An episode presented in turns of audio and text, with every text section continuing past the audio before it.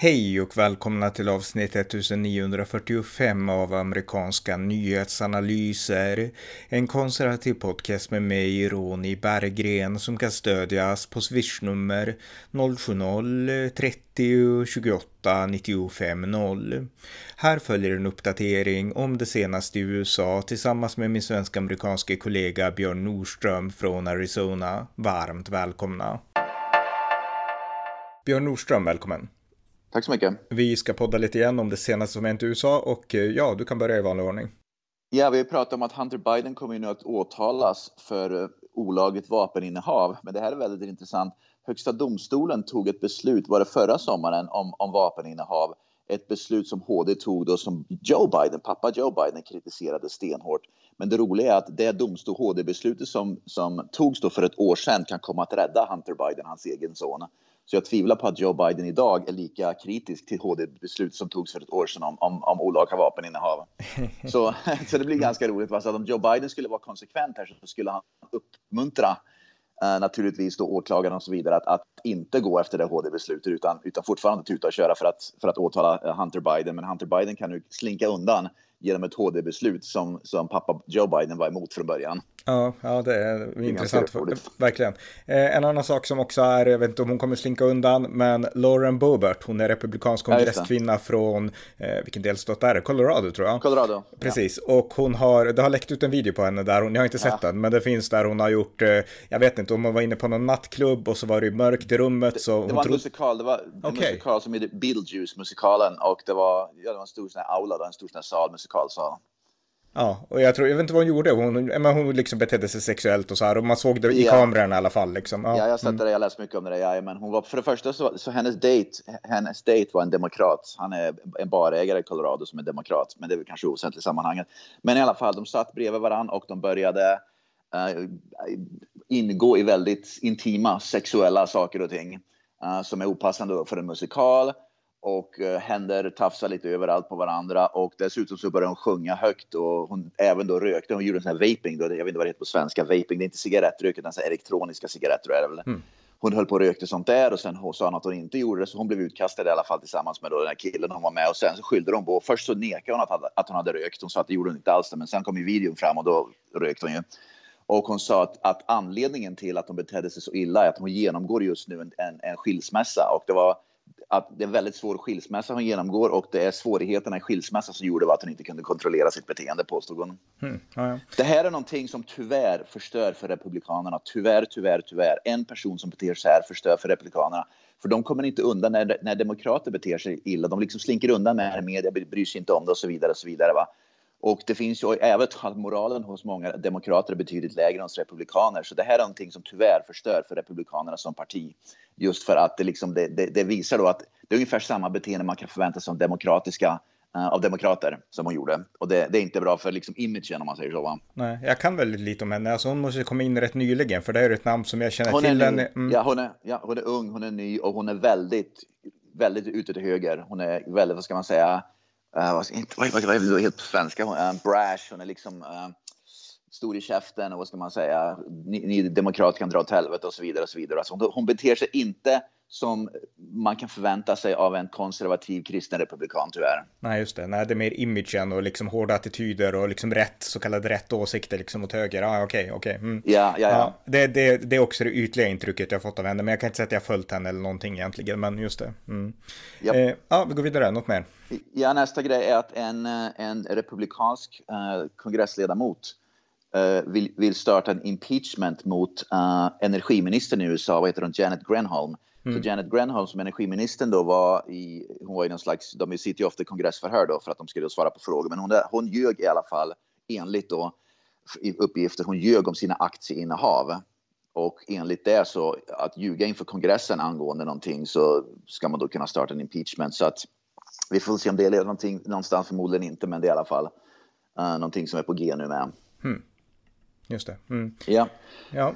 Ja, Joe Biden i vanlig ordning, han kastar ur sig grodor kors och tvärs och hur som helst och han har nyligen ljugit, han blåljög om att han undervisade eh, det finns ett universitet i Pennsylvania, ett Ivy League, det är ett väldigt fint universitet och ett av de finaste i hela USA, bästa USA, som ligger i Philadelphia i Pennsylvania och han, Joe Biden gick ut och sa att han undervisade en kurs i politisk teori där för några år sedan Det visade sig att han inte alls hade undervisat en kurs i politisk teori. Där det finns inga dokumentationer, ingen kunde bekräfta det överhuvudtaget.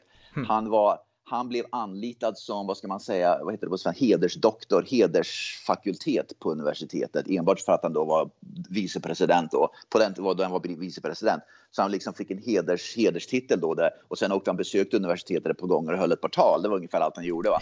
Men sen bara för några dagar sedan så påstod han inför, ja, inför åhörare då, inför ett tal han höll då för några dagar sedan att han undervisar en kurs i politisk teori där, vilket absolut inte stämmer. Så återigen, så jag vet inte om det är Biden som, upp, liksom, som, som ljuger eller om han helt enkelt totalt har tappat det. Liksom. Förmodligen så har han väl totalt tappat det i vilket fall. Han tror att han var väl där och han kommer ihåg i sin lilla hjärna då att, att han undervisade någon kurs. Men det gjorde han inte alls. Att han, han har inte undervisat kurser där oavsett vad han påstår inför, inför undertal. Mm, Okej. Okay. Mm, mm. Ja, något mer? Ja, Donald Trump kommer inte att åtalas i Georgia innan presidentvalet 2024.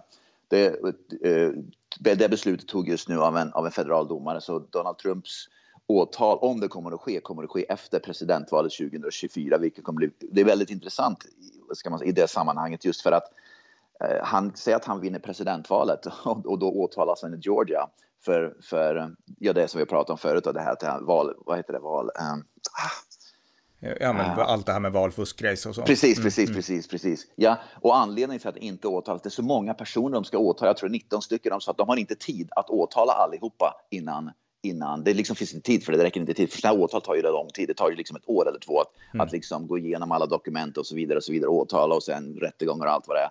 Så Donald Trump kommer inte gå igenom det. Och det här som är intressant också nu, det är att Donald Trump och Joe Biden ligger precis lika. Om de går head to head idag i ett val så ligger de precis lika. Det här är intressant. En, ytterligare en, en, en undersökning som just kom ut med.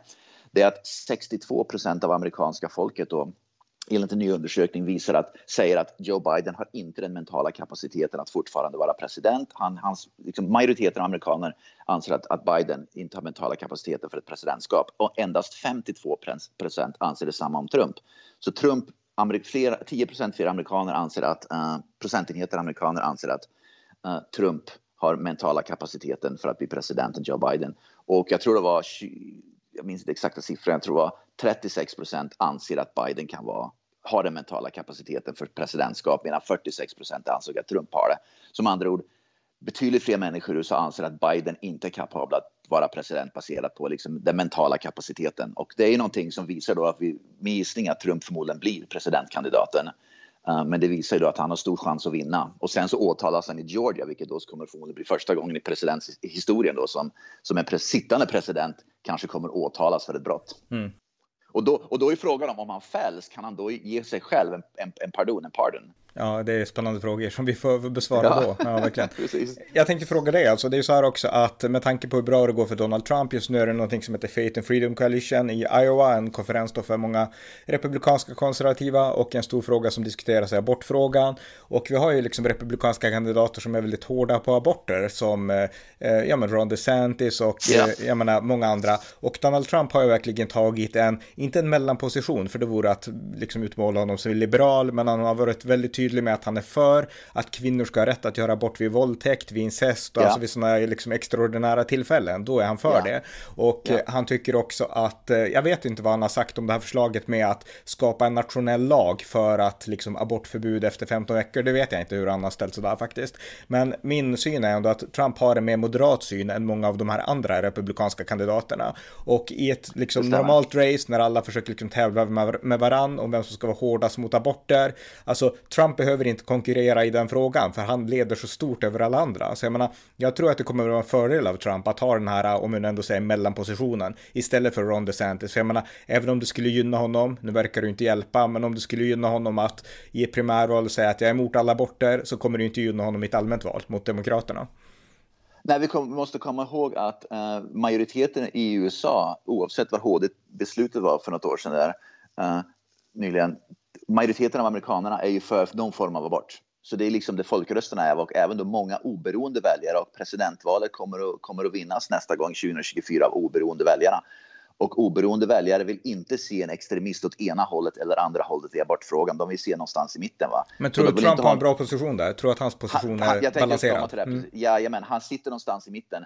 Uh, Trump är mer, han, han är, vi pratade om det förut många gånger, han är en pragmatiker, han, är inte, han, han, han liksom sitter inte fast i högern eller vänster baserat på ideologi, utan han är en pragmatiker och han, han har en pragmatiker som förstår att man måste kunna göra aborter under vissa tillfällen därför att det är liksom det som är praktiskt genomförbart. Man måste kunna ge kvinnor, om man blir våldtagen till exempel, så måste man kunna ha möjlighet att göra det. Va? Medan en ideolog som sitter fast i högern eller vänster, de tycker ju då att aborter ska du kunna få göra fram till liksom samma dag du ska föda ett barn eller du får inte göra aborter även om du har våldtagits. Va? Och det är någonting som, som många amerikaner är emot, de två positionerna. Va? Utan det är det som gör att Trump som sitter i mitten och tycker att aborter ska kunna göras i vissa tillfällen, man kanske ska ha 15 veckor, eller vad nu, det är liksom rimligt. Va? Han sitter där så att han kommer att vinna på det utan tvekan. Mm, just det. Mm. Ja, vi fortsätter de med. Ja, en amerikansk väldigt superkänd före detta idrottsstjärna, Rob Gronkowski, spelat NFL-fotboll i New England Patriots i flera år och vann tre, två Super Bowl i New England tror jag det var. Sen spelade han också i Tampa Bay Buccaneers och vann en Super Bowl där. En av de absolut mest kända profilerna, en, liksom sportprofilerna i USA just Han är fortfarande ung, så han han har gått i pension som, som atlet, då, men han är, han är bara typ 35, 33, 34 år, väldigt ung. Mm. Superstjärna, alla vet vem han är, han älskade media, liksom, att alla vet vem han är. Han är liksom den coolaste liksom, personen i USA just nu, ungefär, har varit i många år.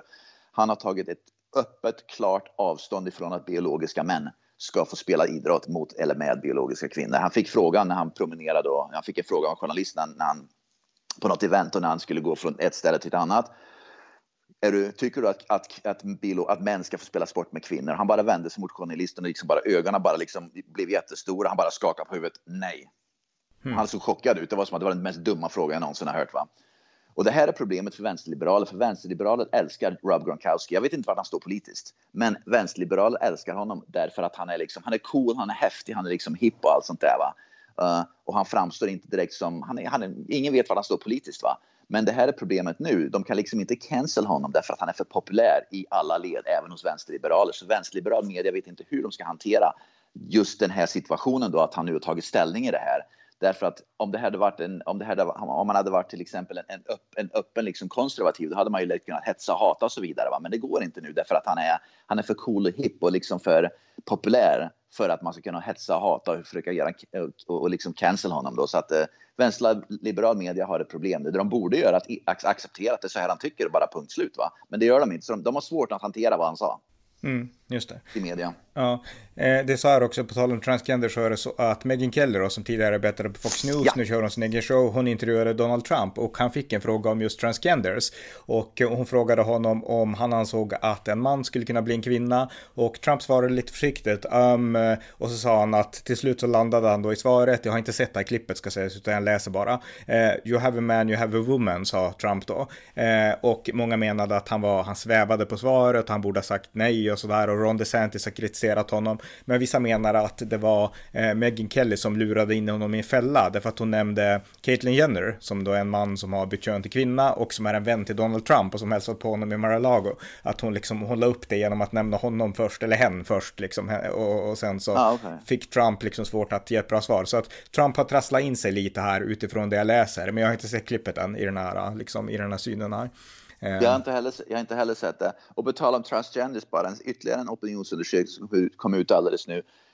Uh, för bara ett år sedan, för ett år sedan så ansåg 62 procent av amerikanska folket att biologiska män inte ska få spela sport med mm. och mot biologiska kvinnor. Idag, ett år senare, är siffran uppe i 70 procent. Så allt fler mm. amerikaner är emot det. Och sen siffran då har naturligtvis sjunkit då för de som stödjer biologiska män ska spela sport med biologiska kvinnor. Så, så vad ska man säga, det, det opinionen och, och, hos amerikanska folket är det solklart, män ska inte spela sport mot kvinnor, bara punkt slut. Mm, mm. Exakt, jag menar det vi får det är en balans där man respekterar transgenders för, ja men om de vill vara det, liksom samtidigt som man också håller balansen mot kvinnor och så här. Så jag menar, jag tycker att hela den här debatten, den börjar gå mer och mer åt rätt håll. På ett ja, absolut, sätt. Det, precis, och anledningen till, tror jag, att, att, att människor, jag tror, jag tror aktivisterna är så himla aggressiva och hatiska och hetska, vilket gör att människor ser det som ett stort problem också. De ser, man ser inte bara problemet med att biologiska män ska spöa skiten ur biologiska kvinnor, va? man ser också att det är så mycket hat och hets från aktivisterna som är i den här transgenderrörelsen att man känner sig helt enkelt bara att det här, det här är liksom inte så aktiv, människor beter sig helt enkelt. De, de är så hatiska och hetska att jag vill inte ha någonting med det att göra längre. Mm. Så, att, så, att, aktivisterna som tror sig själva gör något gott, gör något väldigt ont istället. De, de liksom gör sig själva en björntjänst genom att vara så hetska och hatiska mot människor som är så emot, som är liksom emot tanken på att män ska spela sport med kvinnor. Mm, mm. Ja, något mer? Ja. Uh, uh, en BLM, eh, Black Lives Matter-aktivist, jag minns inte vad hon heter, uh, Savannah Bryan tror hon heter. Uh, hon är i alla fall en svart BLM-aktivist och var rätt hyfsat känd för några par år sedan när liksom BLM var i hetluften. Då. Hon är nu anlitad av ett företag som gör såna här, som gör, de gör tvålar och kosmetik och eller liksom här, ja, skönhetsprodukter. Då. Hon är anlitad av dem nu som en så kallad talesperson, spokesperson. Så nu är det ett bojk, liksom, nu, ska, nu har människor i USA, då, vanliga människor, börjat bojkotta det företaget med. Och som, som jag konstaterat många gånger, de lär sig inte av Bud Light. Target lärde sig inte, Dove lär sig inte. De tar sina extremt, vad ska man säga, vänsterradikala aktivister, anlitar dem och tror att det ska bli bra. Och sen så blir de bojkottade och sen så förlorar de massa pengar och så förstår de inte sen vad är det som har hänt. Varför köper inte de våra tvålar längre?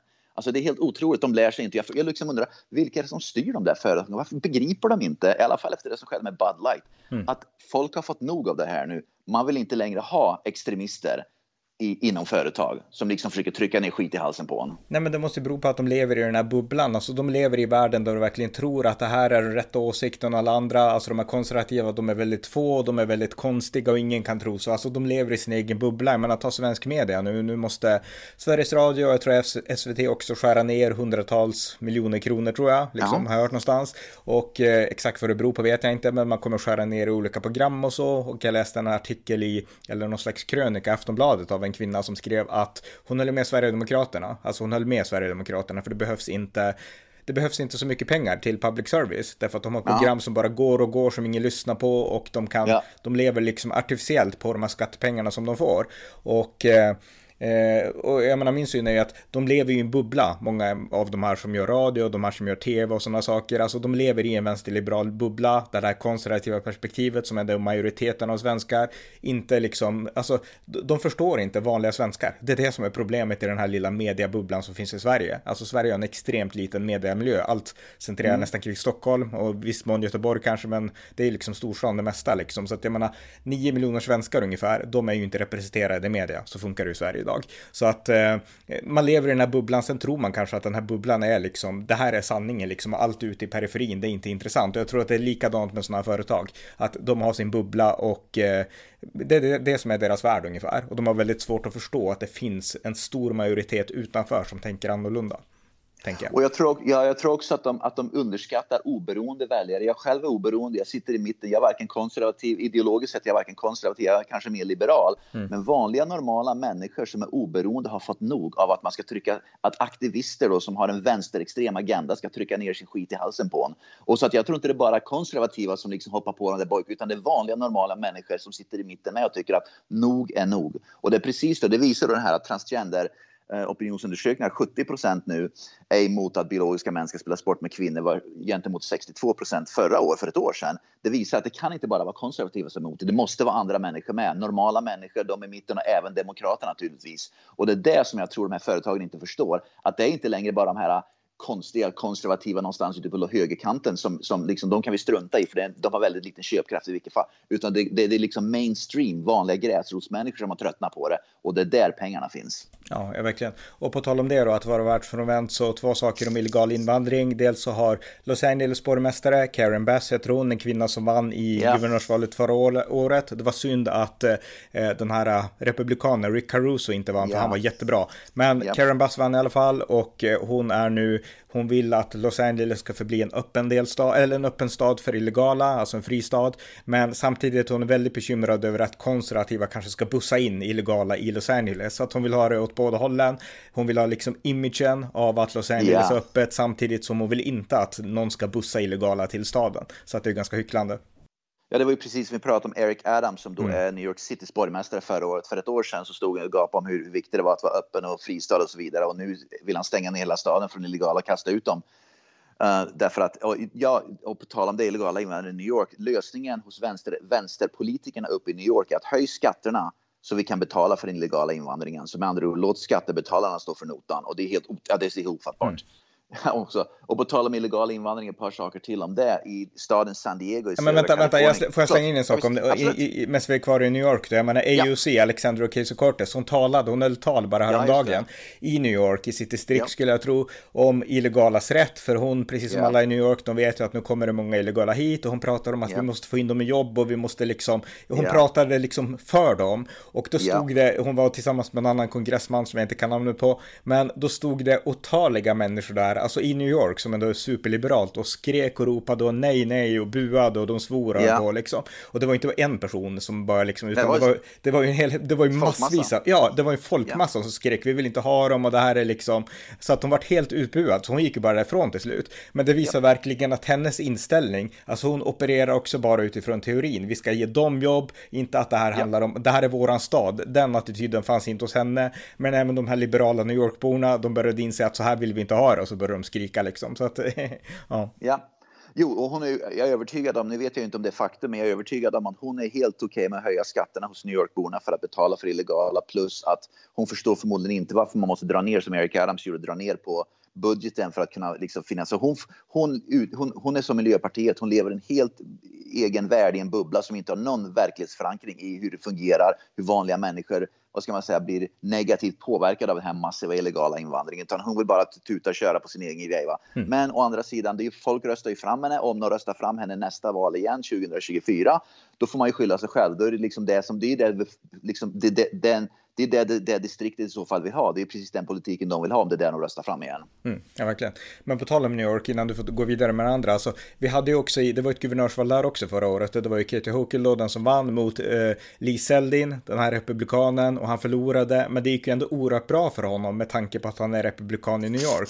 Så jag yeah. tror ju att den här illegala invandringen i New York, om det fortsätter, då kommer ju sådana här liberala politiker som AOC, alltså republikanerna kommer att gå framåt även i yep. New York tror jag, om det här fortsätter.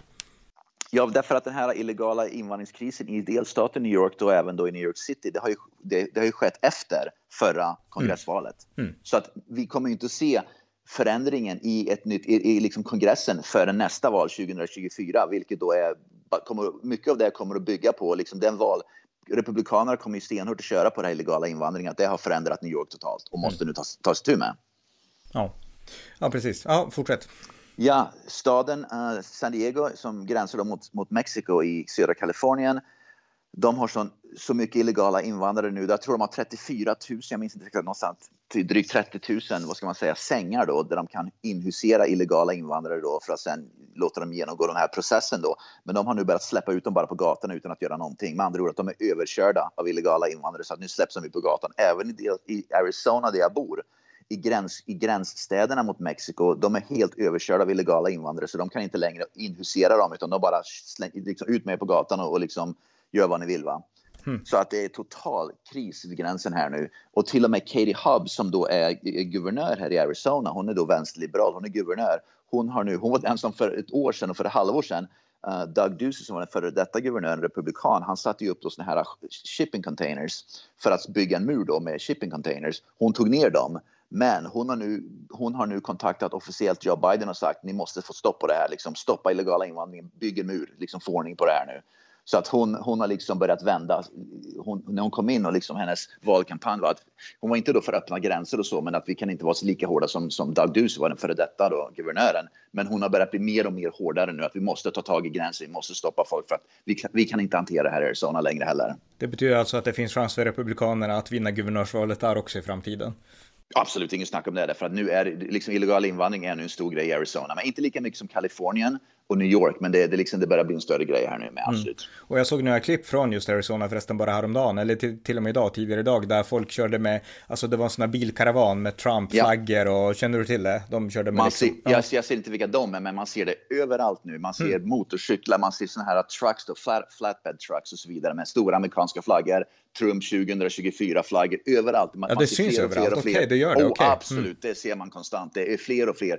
Jag tror inte man ser den enda. De enda Biden-grejerna man ser är, är liksom Biden sucks eller fuck Biden och sånt där. Det är de enda Biden-grejerna man ser. Va? Men öppet så är det mycket, mycket mer support för Trump 2024 än för Demokraterna och Biden. Det betyder inte att han kommer vinna valet här, va? men det verkar som att det är, ingen vågar visa stolthet över Biden eller Demokraterna i, i Arizona. Mm. Det är liksom, och det säger en hel del. Ja, verkligen. verkligen. Ja, ja vi går vidare. Något mer? Ja, vi pratar också om, om att det är Demokraterna i USA och vänsterliberalerna som är de verkliga rasisterna. Och det här visar också liksom hur det fungerar i verkligheten. Uh, Tim Scott som är då senator från South Carolina, han är, han är singel, han, han är 57 år, han är singel, har varit singel hela sitt liv han är ju kristen i alla fall. Han var intervjuad på The View, det är den här vänsterliberala The View. Uh, jag tror det är MSNBC eller något sådär. Av Joy Behar, tror hon heter. De är liksom, hon är fullständigt galen. Mm. I alla fall, hon drog upp och sa att han har börjat dejta en kvinna nu. Enligt ryktet så är den där kvinnan som Tim Scott dejtar och hon är vit. Och enligt The View så är det ett väldigt stort problem därför att The View, de här programledarna i den här vänsterliberala The View tog upp och sa att Clarence Thomas dejtar en vit kvinna och det är ett stort problem. Med andra ord att en svart man ska inte dejta en, vit kvinna. Mm. Därför att svarta män ska dejta svarta kvinnor. Och om, om någonting så är ju det, det är ju liksom definitionen av rasism. Mm. Och Tim, Tim Scott svarade dem och sa att ni lever fortfarande kvar i Jim Crow-era, vilket är en lag som Demokraterna stiftade för ett, några decennier sedan för att segregera liksom svarta mot vita. Och, men, men han har ju helt rätt. Va? Men att, att, han, att det är 2023 och han sitter och blir intervjuad och, och blir påtalad av journalister att det är ett problem att du dejtar en vit kvinna, precis som det är ett problem att, att Clarence Thomas i HD dejtar en vit kvinna. Mm. Ja, det, alltså, det, helt, mm. helt otroligt. Och att, han får kom, att de får komma undan med det, liksom, det är så absurt att liksom, all ja. media borde gå emot det här. Jag menar att det är bara, tänk om det vore tvärtom, du kan inte dejta en svart kvinna, då hade det varit liksom, jag menar det är ju Jim Crow, om det är något liksom. Så jag menar det, här, det är ju samma Precis. sak fast motsatsen. Och det är liksom, ja. att ingen uppmärksammar det mer. Ja, nej, det, det, var som att svarta ska dejta svarta, punkt slut. Och det är den här segregationen vi pratar mm. om, att de lever kvar i den segregationen. Att man ska bara, nej, det var ju var ända fram till 60-talet när svarta, när liksom man inte fick ingå i sådana här ras, när olika etniciteter inte fick gifta sig med varandra. Mm. Och det är där de lever kvar. Man ska inte göra det, tycker de. Mm. Ja. ja, något mer? Ja, hälften. Det här är intressant. Vi pratar också om transgenders då i fängelser. Det det senaste exemplet i delstaten Wisconsin. Jag läste en rapport då som, som fängelsemyndigheten, det finns en myndighet, Department of Corrections, de som mm. överser fängelserna i delstaten Wisconsin kom just ut med en rapport. Hälften Delstaten Wisconsin tillåter transgenders, biologiska män som påstår sig vara kvinnor, att sitta i kvinnliga fängelser istället. För det är mycket trevligare att sitta i kvinnliga fängelser än för en man än manliga fängelser naturligtvis. Hälften av dem, drygt hälften av de biologiska männen som då sitter i kvinnliga fängelser, för de är så kallade kvinnor numera, eh, har blivit, sitter i fängelse på grund av sexbrott och pedofilbrott. Mm. Och enligt, inte en rapport, men enligt det jag mycket läst och hört och liksom kommentarer kring det där att, och det här stämmer ju, människor som sitter, män som sitter i fängelser och har våldtagit kvinnor eller är pedofiler med andra ord våldtagit barn. Om de har tur så blir de mördade i fängelset, om de har otur så blir de våldtagna i fängelset, i ett manligt fängelse. Mm. Så många män som har våldtagit kvinnor eller är pedofiler och hamnar i finkan då i Wisconsin, de vet att jag kommer råka illa ut i ett manligt fängelse, men om jag säger att jag är en kvinna och hamnar i ett kvinnligt fängelse, då kommer jag överleva alltihopa. Jag blir, om jag blir våldtagen så spelar det ingen större roll och jag blir förmodligen inte mördad heller. Va? Så man utnyttjar det för att slippa fäng manliga fängelser. Och istället sen så blir det så att det blir massa kvinnor, och vi pratade om det förut, jag tror det var New Jersey på fall, där istället de gör kvinnliga fängelse, vad heter det, in, in, interner, mm. uh, gravida istället. Ja, ja, otroligt, otroligt. Mm. Ja. Ja, vi fortsätter. Ja, om de... jag, har flera, jag har flera intressanta saker. En, um, en uh, borgmästare i en stad i Kalifornien, jag kommer inte ihåg vilken stad var han heter, uh, Konstantin Anthony. Uh, det var en liten stad, jag tror Los Angeles, en liten stad i alla fall. Och det här visar ju fullständigt galet det är. Han är i en skola och han ska då prata inför skolelever. Och så kommer det upp en drag queen, en, en bokstavligt en drag queen när han står och pratar inför elever. Och han är med på det här, det är liksom en, en slags pjäs, de har någon liksom grej de har att göra. Och han böjer sig framåt och drag queen kommer upp och smiskar honom på rumpan.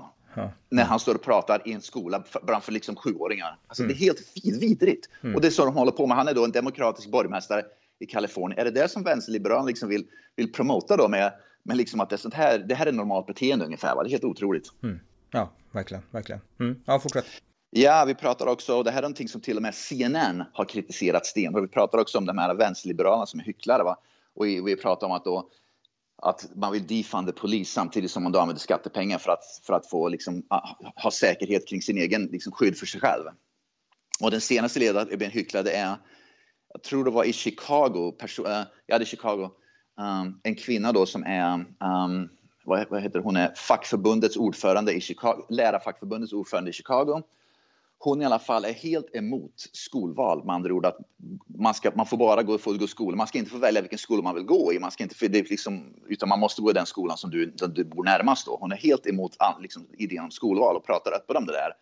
Samtidigt skickar hon sin egen son till en privatskola för att hon tycker att lokala skolan där de bor är alldeles för dålig. Mm. Så hon är emot skolval, att andra barn ska inte få välja skola de ska gå i. Däremot sin egen son skickar de till en helt annan skola därför att den skolan som de ska gå i, eh, den är för dålig. Mm. Så att med andra ord, vi vill, precis som vi pratar om Demokraterna och Vänsterliberalerna, vilket är hycklandet som jag är så himla trött på. Mm våra, det vi ska bestämma, det gäller bara för andra, inte för oss själva. Mm. Och det, det, där är så absurt och det visar lite grann att det kanske inte är så längre att de här fackföreningsledarna, de här ledarna för skolstyrelser kommer från lokalbefolkningen, utan de kanske väljs in av, av kvoteringsskäl eller kommer från andra håll eller sådär. Och jag menar, det är då det blir en sån korruption. Alltså du, du har inte ditt eget intresse primärt i det lokala, utan i andra sammanhang. Men du finns i det lokala för att tjäna pengar eller få status och liknande. Ja. Det är extremt. Ja. Alltså det är, ja, det, det är illa att det är så, men jag tror att det är så. I, I Sverige är det så i många avseenden och det är säkert så i USA också. Ja, det var, det var faktiskt CNN. Det var det jag såg. Det var, det var, hon blev intervjuad på CNN och till och med CNN-journalisten sa att det här låter ju väldigt hycklande att du själv skickar ditt barn till en annan skola men samtidigt vill tvinga andra barn här att gå på den lokala skolan. Är inte det hyckleri? Mm. Så till och med, till och med CNN liksom säger något sånt, då vet vi att då är det, då är det, något, då är det något fel alltså. Ja, ja verkligen. Ja, fortsätt. Mm. Du, det var det sista jag hade faktiskt. Okej, okay. ja men okej, okay, perfekt. Ja, men, tack ja. så mycket. Tackar. Tack så mycket. Hej. Tack för att ni har lyssnat på amerikanska nyhetsanalyser.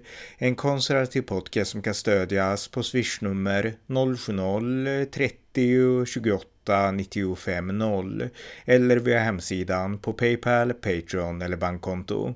Skänk också gärna en slant till valfri Ukraina-insamling. Allt gott tills nästa gång.